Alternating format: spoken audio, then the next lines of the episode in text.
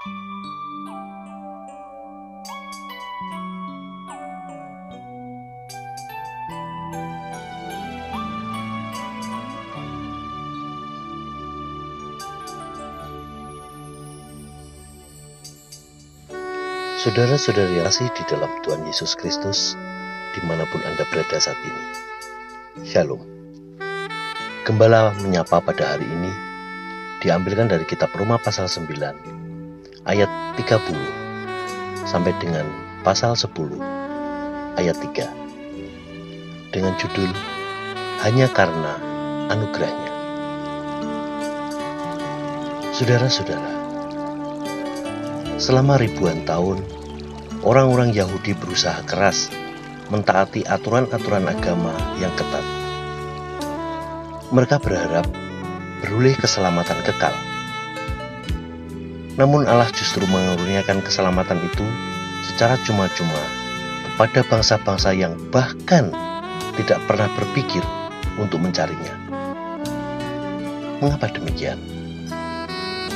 Sebab orang-orang Yahudi mengandalkan kebenaran mereka sendiri. Dapat Anda baca pada pasal yang 10 ayat 2 sampai dengan 3. Kenyataannya, sejak semula Allah telah menetapkan bahwa keselamatan kekal semata-mata adalah anugerahnya yang diperoleh melalui iman kepada Yesus Kristus dapat Anda baca pada kitab Efesus pasal 2 ayat yang ke-8. Maka segala usaha untuk membeli keselamatan kekal dengan menukarnya dengan amal ibadah pribadi adalah sebuah kesombongan.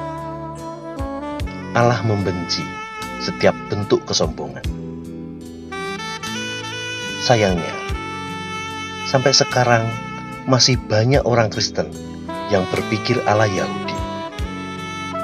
Mereka masih mengira bahwa bila mereka memberi persembahan kepada gereja, tekun beramal, rajin mengikuti sakramen, memanjatkan doa sepanjang hari, atau mungkin berpuasa Senin Kamis, maka mereka akan masuk surga.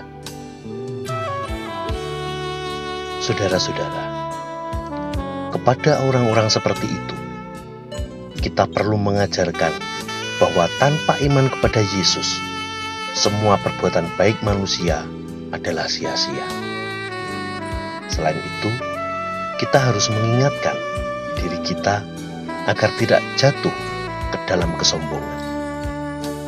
Sehebat apa pun pencapaian kita dan seluas apa pun pelayanan kita, itu semua adalah anugerah dari Allah sebagai bangsa bukan Israel, sepatutnya kita bersyukur atas kemurahan Allah. Dulu, kita tidak termasuk bagian dari umat perjanjiannya. Kita bahkan tidak peduli dengan arti keselamatan kekal.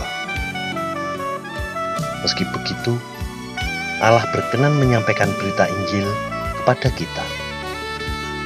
Keselamatan itu dijatuhkan ke pangkuan kita. Terpujilah Yesus, Juru Selamat segala bangsa. Tuhan Yesus memberkati. Amin.